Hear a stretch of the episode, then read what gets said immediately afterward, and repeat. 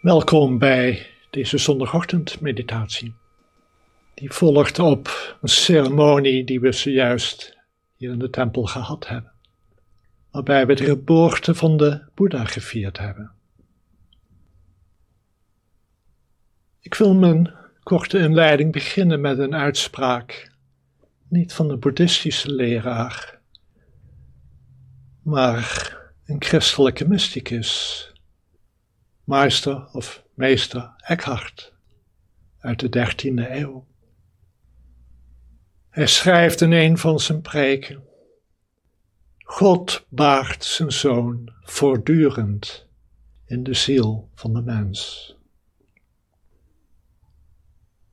Een bijzondere uitspraak, heel diep en misschien klinkt die mystiek.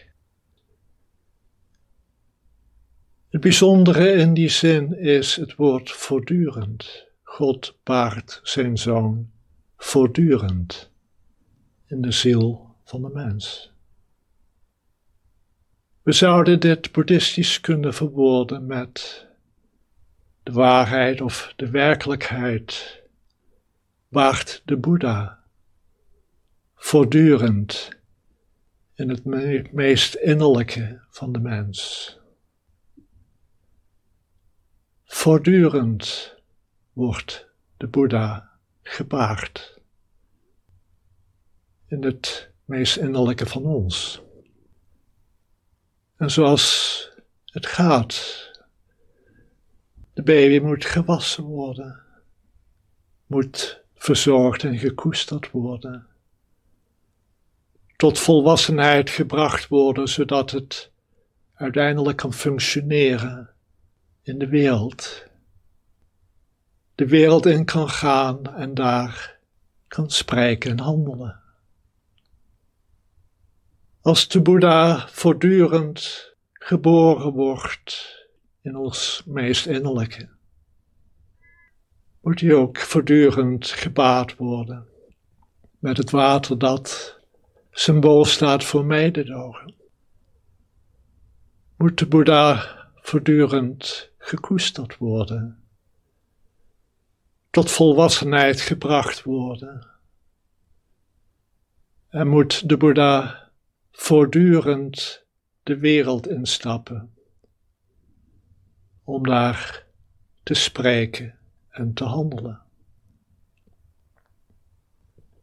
Dit betekent dat het hele pad van begin tot eind gelijktijdig en voortdurend aanwezig is. In je meest allerinnerlijkst. En dat is een bijzonder en hoopvol iets. Want het betekent dat elk moment een nieuw moment is waarin het pad begint. De zenmeester Shunryu Suzuki gaf het mooi weer in zijn woorden. Zen mind, beginner's mind. Elk moment kunnen we opnieuw beginnen. En elk moment kunnen we de Boeddha in onszelf koesteren, tot volwassenheid brengen. En elk moment kunnen we de Boeddha tot uitdrukking brengen. En soms is het het ene en soms is het het andere.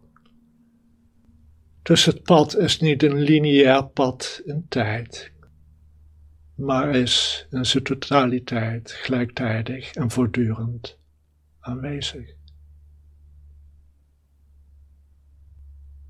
Contempleer dit woord voortdurend. Meester Eckhart heeft het mooi verwoord en naar het allerdiepste verwezen, gewezen. Ik noemde het in het begin mystiek, maar niet zozeer verduisterd.